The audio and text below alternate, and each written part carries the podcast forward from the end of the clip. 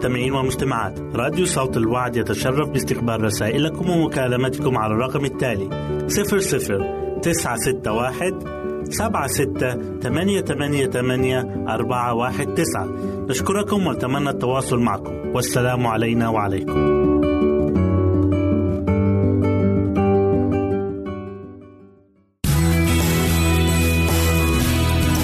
استماع وتحميل برامجنا من موقعنا على الإنترنت www.awr.org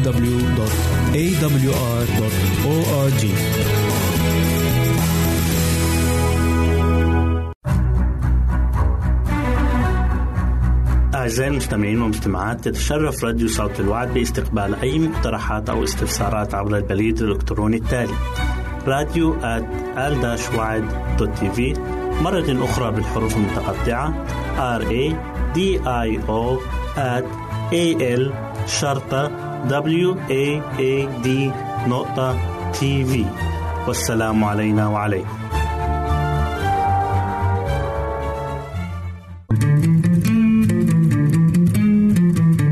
أنتم تستمعون إلى إذاعة صوت الوعي.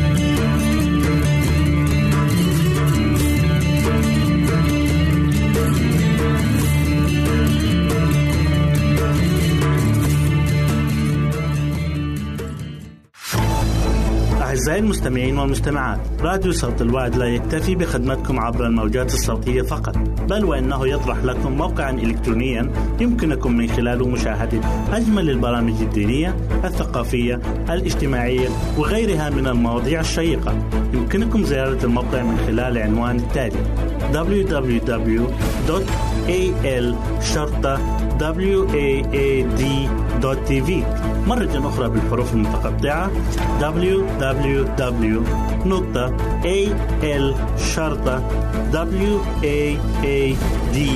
www.al-waad.tv والسلام علينا وعليكم.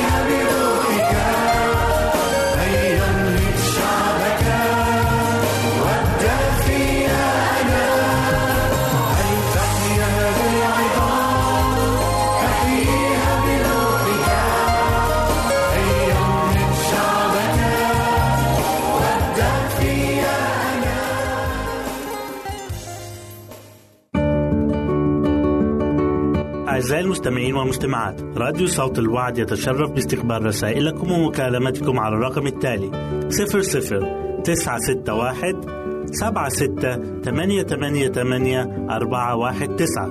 نشكركم ونتمنى التواصل معكم. والسلام علينا وعليكم.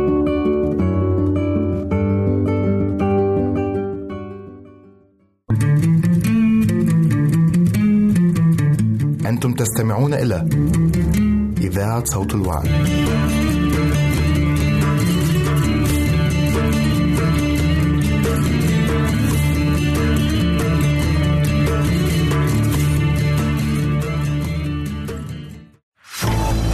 أعزائي المستمعين والمستمعات راديو صوت الوعد لا يكتفي بخدمتكم عبر الموجات الصوتية فقط بل وإنه يطرح لكم موقعا إلكترونيا يمكنكم من خلاله مشاهدة أجمل البرامج الدينية الثقافية الاجتماعية وغيرها من المواضيع الشيقة.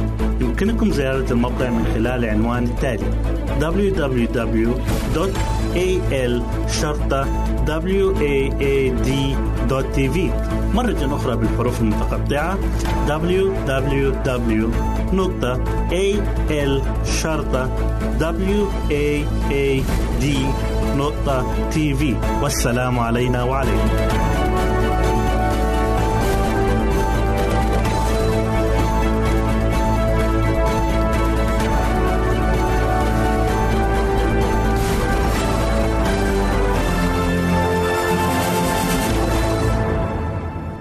وسهلا بكم مستمعينا الكرام في كل مكان.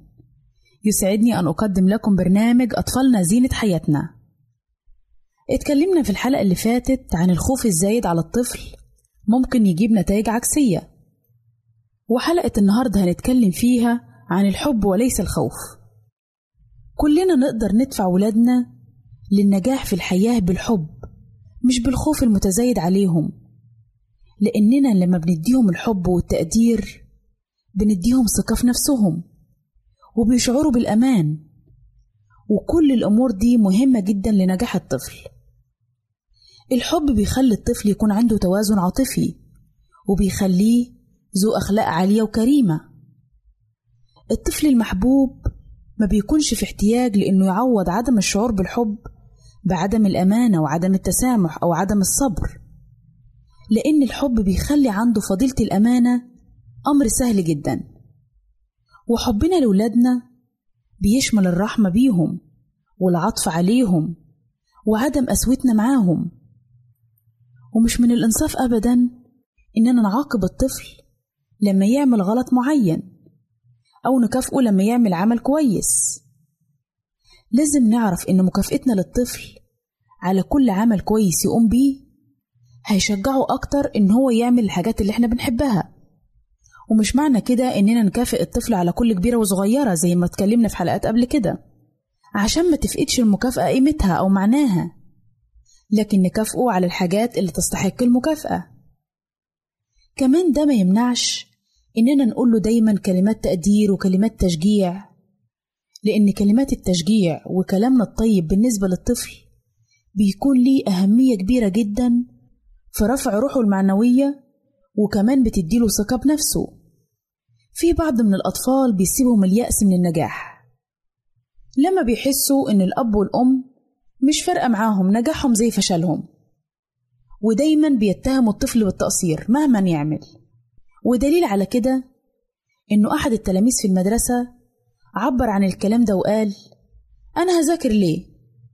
إذا كان بابا وماما دايما بيعتبروني إن أنا مقصر وما بيرضوش أبدا على أي حاجة أنا بعملها مهما حصل. عايزين نسأل نفسنا يا ترى الشعور ده وصل للولد ده إزاي؟ من الواضح هنا إن الوالدين مجوش ولا مرة كافئوه ولا قدروا أي مجهود هو بيعمله. كانوا دايما بيطلبوا منه إن هو يكون مستواه أحسن وأفضل ده أمر كويس. لكن يظهر إن هم كانوا بيضغطوا عليه كتير عشان يوصل للمستوى اللي هم عايزينه. مع إنه يفوق قدراته. وكانت النتيجة إن الطفل تأخر دراسيا بدل ما كان فيه نجاح نسبي قدر يحققه. نيجي نتكلم على حاجة تانية وهي ازدواجية المعايير لدى الأب والأم. من الأمور اللي بتحير الطفل جدا رد فعل الأب تجاه سلوك معين يكون مختلف تماما أو معاكس لرد فعل الأم تجاه نفس السلوك. ده بيسبب للطفل ارتباك وبيبقى مش عارف يصدق مين أو يتبع إرشادات مين يا ترى الأب اللي صح ولا الأم اللي صح؟ لازم يتفق الأب والأم على طريقة تربية الطفل وكمان على القيم المشتركة اللي عايزين يعلموها له. إذا اختلف الأب والأم تجاه سلوك معين للطفل لازم يكون فيه استشارة من حد يكون عنده علم بهذا الأمر أو متخصص فيه. علشان ما يحصلش تضارب في الآراء. لازم يكونوا الاتنين متفقين. وده بخصوص الأمور الأخلاقية. لكن مش شرط إن هما الأب والأم يتفقوا على كل حاجة في كل شيء. لأن لازم الطفل يعرف إن إحنا مختلفين مش كلنا زي بعض. كل واحد بيكون ليه وجهات نظر بتختلف عن التاني. لكن أهم شيء إن القيم والمبادئ والأخلاق بنكون متفقين عليها. يعني مثلا الكذب أو السرقة أو الغش أو الرشوة والخداع. كل دي حاجات لازم الطفل يعرف إن دي حاجات حرام وما ينفعش يعملها. ومش عشان الحاجات ديت مرزولة ومش كويسة لكن لأن الله حرمها. لازم نعلم الطفل إن فعل الخير هو طريق النجاح في الدنيا وفي الآخرة سواء على المستوى الشخصي أو على المستوى الاجتماعي لأنه بيجلب الخير للمجتمع كله.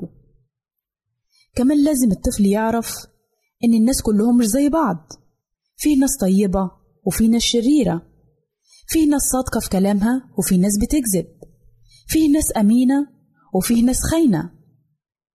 لازم الطفل يعرف كل ده علشان يكون عنده فكرة واضحة عن العالم اللي هيعيش فيه.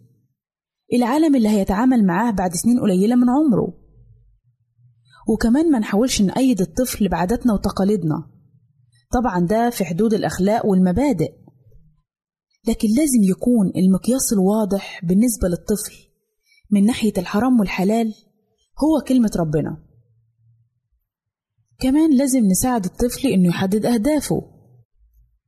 يعني نرشده للحاجات اللي فيها الخير ونسيبه يختار اللي هو عايزه. نعوده كمان الاعتماد على النفس وإن يكون ليه فكر مستقل. نعوده يتحمل المسؤولية وإن مش كل حاجة هيعملها الأب والأم. لازم يعرف إنه مرة ورا التانية هو عليه يقوم بحاجات يعملها بنفسه حاجات تخصه. كمان نقطة لازم نخلي بالنا منها إن الأب والأم ما يفرضوش طموحاتهم الشخصية على الطفل. يعني اللي هم ما قدروش يعملوه في حياتهم بيبقوا عايزين يشوفوه في ولادهم. لازم نعرف إن أطفالنا نسيج مختلف لوحدهم. ليهم شخصيتهم المستقلة.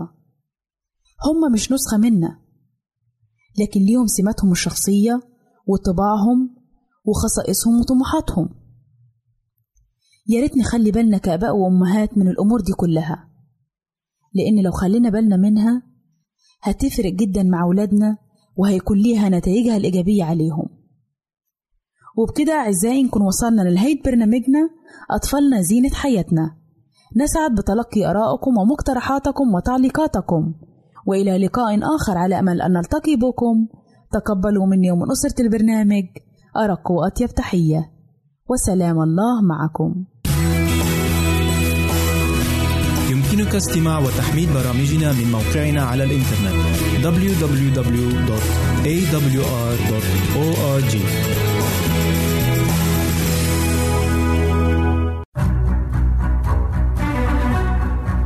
أعزائي المستمعين والمجتمعات تتشرف راديو صوت الوعد باستقبال أي مقترحات أو استفسارات عبر البريد الإلكتروني التالي راديو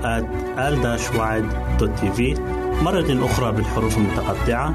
R A D I O at A L شرطة W A A D نقطة تي في والسلام علينا وعليكم.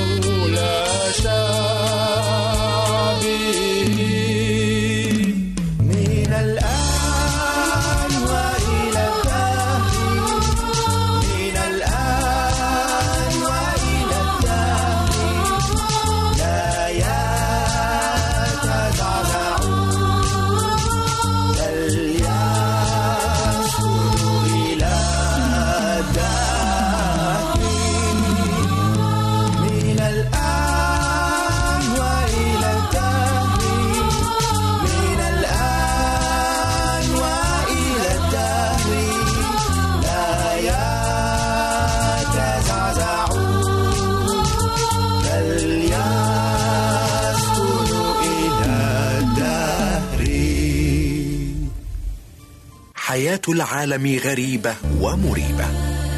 يمتزج فيها الحلو بالمر يجتمع عندها الأمل بالألم والضعف بالقوة والبسمة بالدمعة تشرق لتغرب تعطي لتأخذ تمنح لتمنع.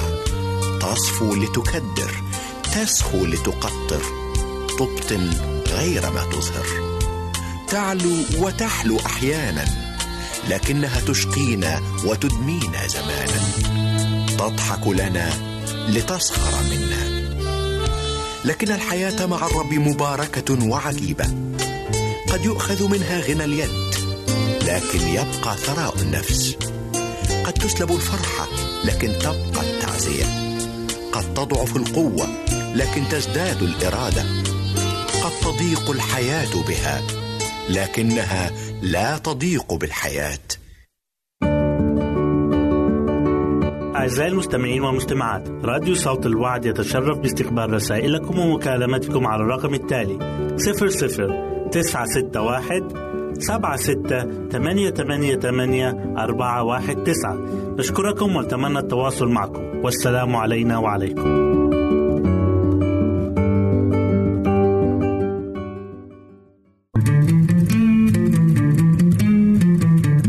أنتم تستمعون إلى إذاعة صوت الوعد.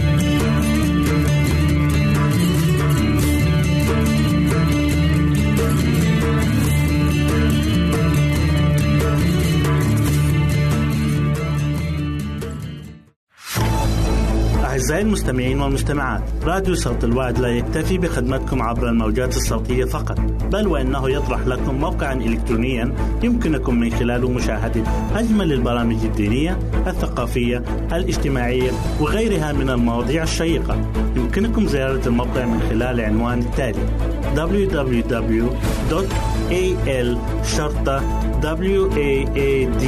waad.tv مرة أخرى بالحروف المتقطعة www.al-waad.tv والسلام علينا وعليكم.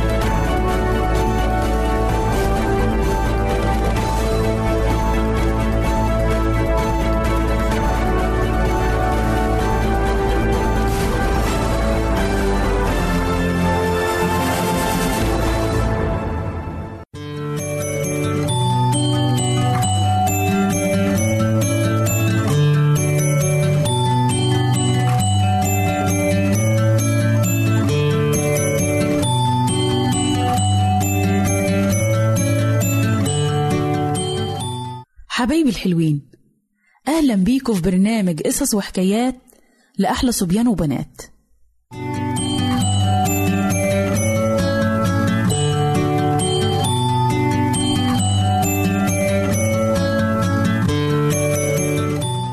قصتنا النهاردة من الكتاب المقدس موجودة في إنجيل لوقا إصحاح واحد الآيات من خمسة إلى ستة وستين. وعنوان قصتنا النهارده ولادة يوحنا المعمدان. في أيام هيرودس الملك كان فيه كاهن اسمه زكريا ومراته اسمها إليصابات. هما الاتنين كانوا بيحبوا ربنا قوي وبيعملوا كل حاجة حسب كلام الله. وبالرغم من إنهم كانوا كبار قوي لكن للأسف ما كانش عندهم أي أطفال.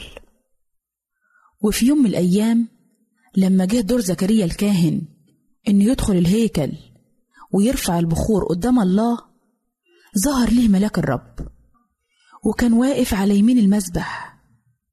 زكريا لما شافه ارتبك جدا وخاف لكن الملاك طمنه وقال له ما تخافش يا زكريا لأن الله سمع طلبتك ومراتك هتولد ليك ابن وهتسميه يوحنا وابنك هيكون سبب فرح وسعادة ليك ولناس كتيرة جداً. لأنه هيكون عظيم قدام الله وهيتملي من الروح القدس وهيرجع ناس كتيرة لربنا وهيجهز لله شعب مستعد. الغريبة إن زكريا ما صدقش وقال للملاك إزاي يعني؟ ده أنا شيخ عجوز ومراتي ست كبيرة في السن. فرد عليه الملاك وقال له أنا جبرائيل الله بعتني ليك علشان أكلمك وأقولك الخبر السعيد ده. ولأنك ما صدقتش كلامي هتفضل مش قادر تتكلم لغاية اليوم اللي اتحقق فيه الوعد ده. والناس اللي كانوا مستنيين بره الهيكل استغربوا جدا لأن زكريا الكاهن اتأخر قوي. ولما خرجوا ما قدرش يكلمهم فهموا إن هو شاف رؤية. بعد ما رجع زكريا بيته بأيام قليلة إليصابات مراته بقت حامل. وفضلت مخبية نفسها إنها حامل لمدة خمس شهور. أصلها كانت حاجة غريبة جدا ومستحيلة إنها تبقى حامل في سن كبير زي كده. ولما بقيت في الشهر السادس جت تزورها العذراء مريم بعد ما هي كمان بشرها الملاك بميلاد الرب يسوع. وأول ما إليصابات سمعت سلام العذراء مريم لما دخلت بيتهم اتحرك الطفل جامد في بطنها واتملت بالروح القدس. وقالت للعذراء مريم ربنا مباركك انت والطفل اللي في بطنك. مين أنا علشان تيجي أم ربي تزورني؟ بعد التسع شهور ما عدوا ولدت إليصابات ابنها وفرح معاها كل جيرانها وقرايبها لما عرفوا الخبر. وفي اليوم الثامن سموا الولد على اسم أبوه. لكن إليصابات مامته قالت لهم نسميه يوحنا. ولما سألوا زكريا الكاهن كتب لهم اسمه يوحنا. وبمجرد ما كتب اسم يوحنا في الحال اتفك لسانه ورجع يتكلم. وكبر يوحنا وهو مليان بالروح القدس. وكان هو ده يوحنا اللي عمد السيد المسيح في نهر الأردن. هو ده يوحنا كمان اللي رجع ناس كتير لربنا وجهزهم عشان يستقبلوا يسوع. وإحنا كمان يا ولاد كل واحد فينا ليه دور يقوم بيه. مش مهم الدور ده كبير أو صغير زي دور يوحنا المعمدان لكن المهم إننا نعيش حياتنا زي ما ربنا بيوصينا في الكتاب المقدس وإننا نصدق وعود الله لينا. لأن لما الله بيوعد بحاجة بيكون أمين وصادق وبيوفي بوعده زكريا الكاهن شك في كلام ربنا لأن كان من وجهة نظره إنه مستحيل الله يديه طفل وهو راجل عجوز ومراته ست كبيرة. لكن لازم نتعود نقول لا يستحيل على الرب شيء. إلهنا قادر على كل حاجة. أي أمر صعب بالنسبة لنا مش صعب على ربنا. بصلي لكم حبايبي إن ربنا يساعدنا إن تكون ثقتنا في الله كبيرة وإن أي حاجة صعبة بالنسبة لنا نحطها بس قدام ربنا ويكون عندنا ثقة والله قادر إن يحقق لينا كل اللي بنتمناه. بس طبعا يكون على حسب إرادته ومشيئته. وبكده حبايبي نكون وصلنا لنهاية قصتنا. واستنونا في قصة جديدة من برنامج قصص وحكايات لأحلى صبيان وبنات. ربنا معاكم.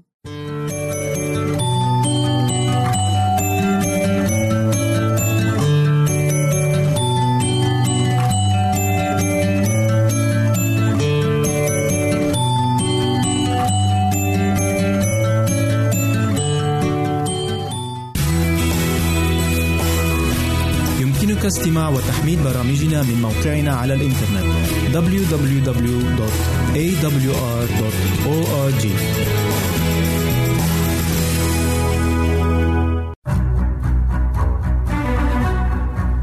أعزائي المستمعين والمستمعات تتشرف راديو صوت الوعد باستقبال أي مقترحات أو استفسارات عبر البريد الإلكتروني التالي راديو في مرة أخرى بالحروف المتقطعة R A D I O at A L شرطة W A A D نقطة تي في والسلام علينا وعليكم.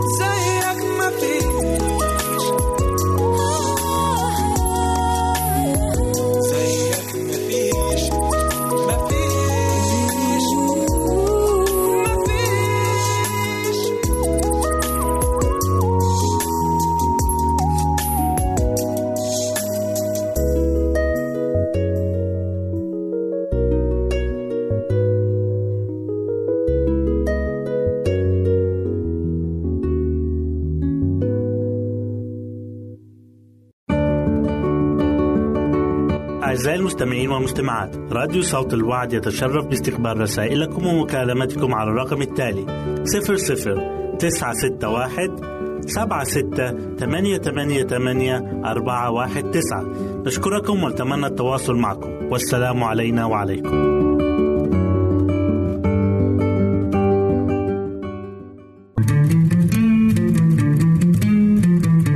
أنتم تستمعون إلى إذاعة صوت الوعي.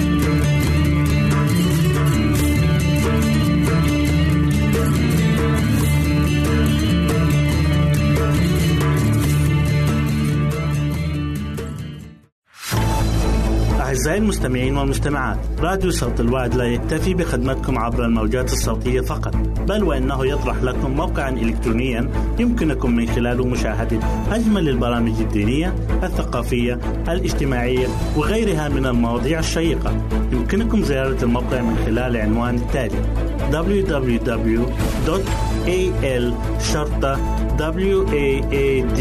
waad.tv مرة أخرى بالحروف المتقطعة www.al-waad.tv والسلام علينا وعليكم.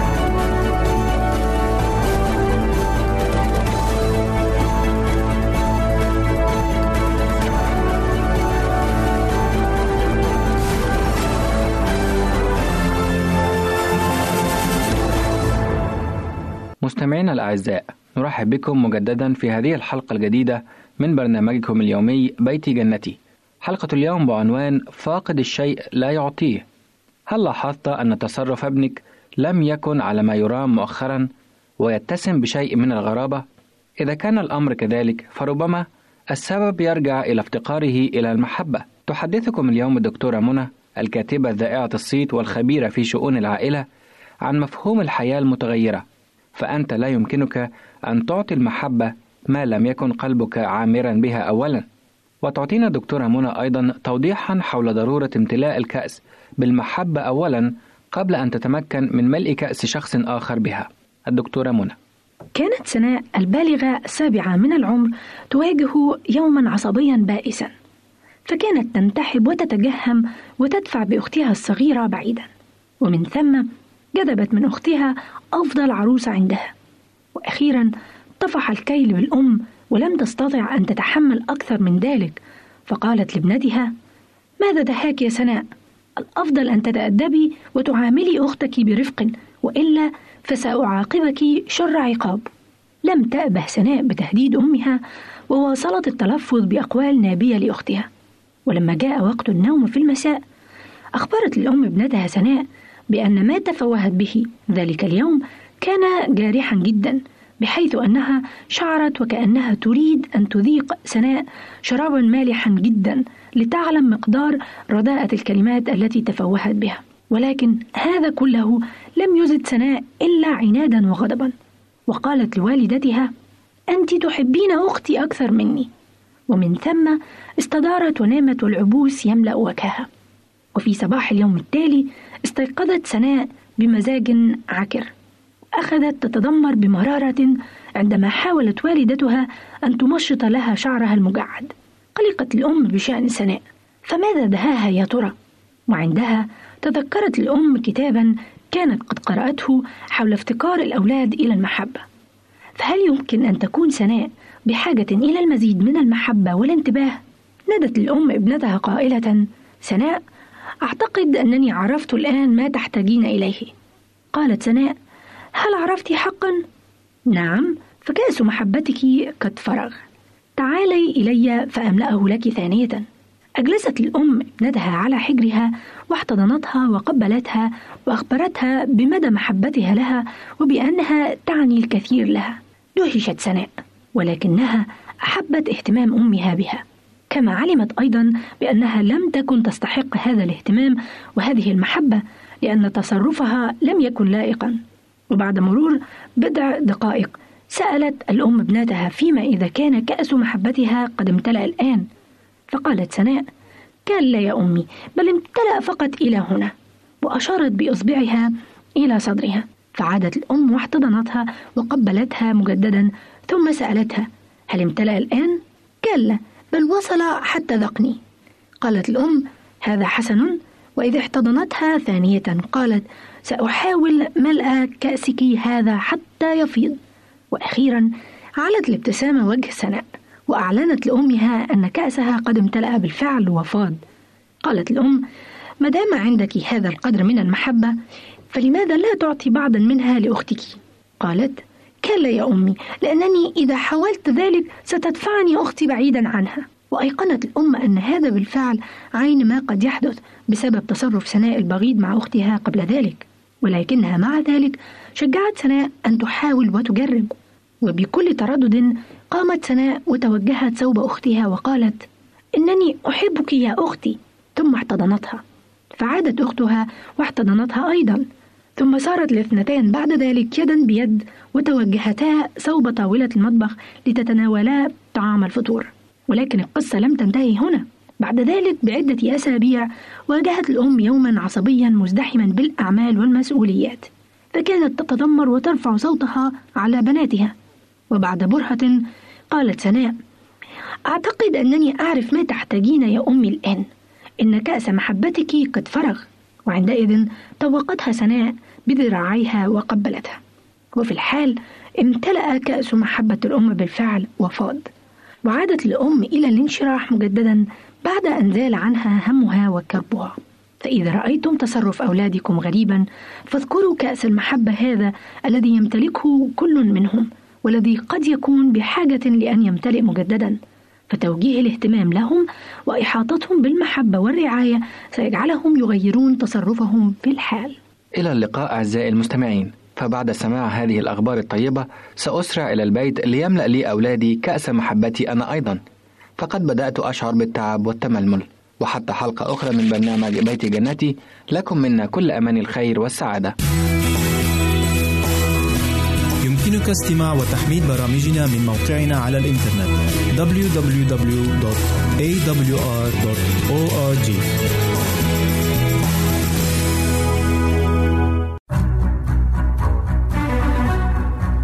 أعزائي المستمعين والمستمعات تتشرف راديو صوت الوعد باستقبال أي مقترحات أو استفسارات عبر البريد الإلكتروني التالي راديو TV مرة أخرى بالحروف المتقطعة R A D I O at A L شرطة W A A D نقطة TV والسلام علينا وعليكم.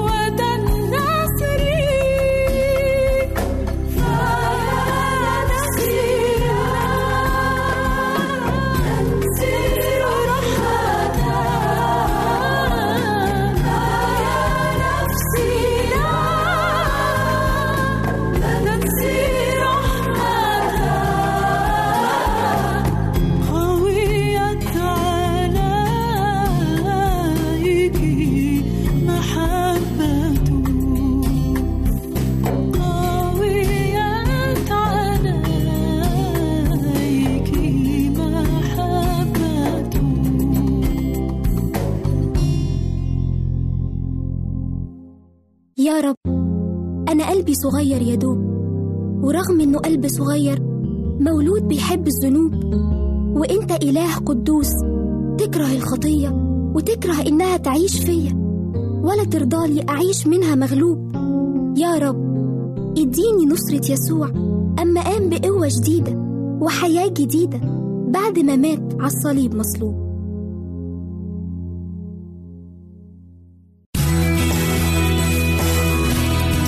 يمكنك استماع وتحميل برامجنا من موقعنا على الإنترنت. www.awr.org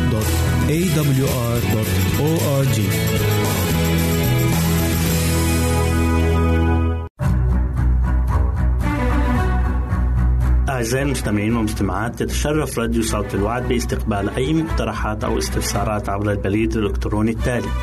راديو في مرة أخرى بالحروف المتقطعة R A D I O at A L شرطة W A A D نقطة تي في والسلام علينا وعليكم.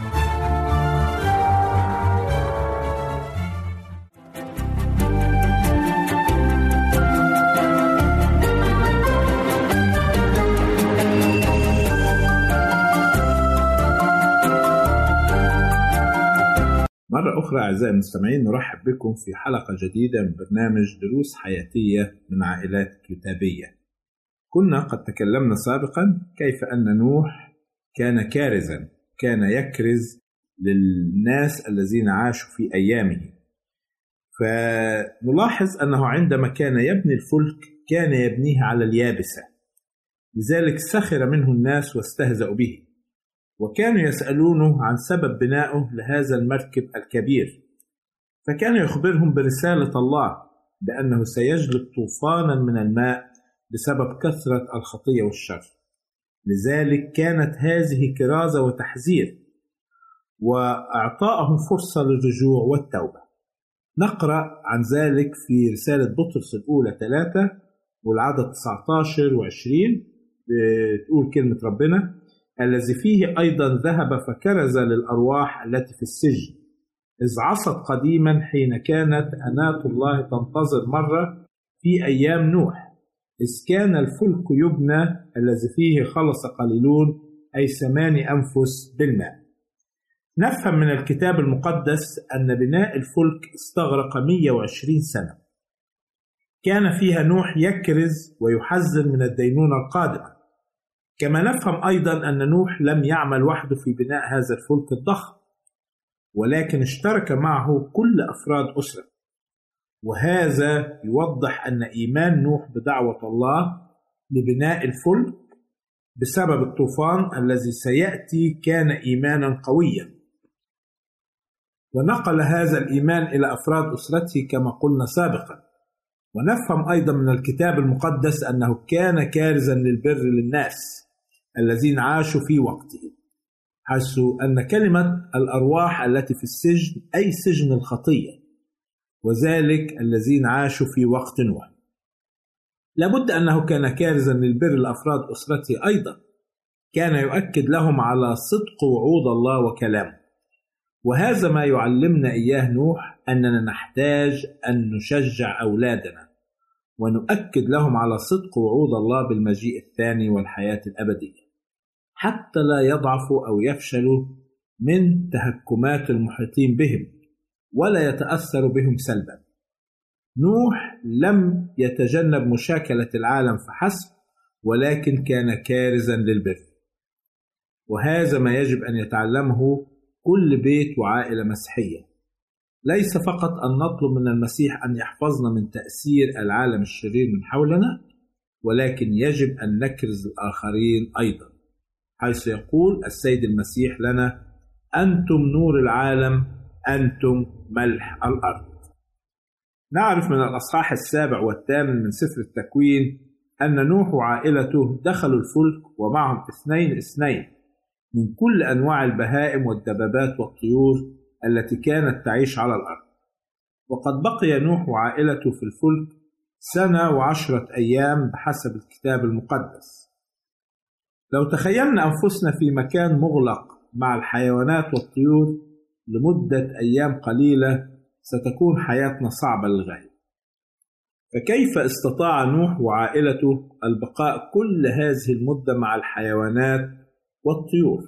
وما هو الدرس الذي يمكن أن نستفاده من هذا كأسر وعائلات بالفعل نحن نعرف أن نوح وعائلته عاشوا مع كل أنواع الحيوانات والطيور في مكان مغلق أي في الفلك لمدة سنة وعشرة أيام. وهذه كانت بالفعل حياة صعبة للغاية. ولكن نعرف من الكتاب المقدس أن نوح وعائلته لم يتذمروا أو يشتكوا بل كما تحملوا سخرية الناس واستهزاءهم أثناء بناء الفلك والكرازة لهم تحملوا أيضا حياة الفلك الصعبة. لأنهم كانوا يتطلعون إلى حياة أفضل. وكانوا يدركوا أن هذه فترة مؤقتة. وفي هذا درس لنا كعائلات وأسر مسيحية.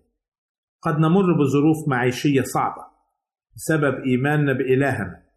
ولكن كما يقول الكتاب المقدس في رسالة كورنثوس الثانية الأصحاح الرابع وعدد 17 و 18 بيقول لأن خفة ضيقتنا الوقتية تنشئ لنا أكثر فأكثر ثقل مجد أبدي. ونحن غير ناظرين إلى الأشياء التي ترى بل إلى التي لا ترى. لأن التي ترى وقتية وأما التي لا ترى فأبدية. نستطيع أن نفهم أن تحمل عائلة نوح سواء كانت زوجته أو أولاده الحياة داخل الفلك بأن نوح لم ينسى أن يكرز لأفراد عائلته أولا. لم ينسى أن يعلم أولاده طريق الرب. كثير من الأشخاص وخاصة الكارزين بالكلمة يهتموا بالكرازة الآخرين وفي بعض الأحيان ينسوا عائلاتهم وأولادهم وتكون النتيجة أن ينشأ أولادهم ويعيشوا حياة بعيدة تماما عن الله. ولكن نوح يعلمنا أن نهتم بالكرازة وتعليم بيوتنا وأولادنا أولا. في نهاية الحلقة سعدت أن أكون معكم أعزائي المستمعين. حتى نلقاكم. سلام الرب يكون معكم. نرجو التواصل معنا عبر هذه العناوين. للتشات www.al-waad.tv وللرسائل radio at al-waad.tv والاتصال عبر الواتساب 961 76 888 419 961 76 888 419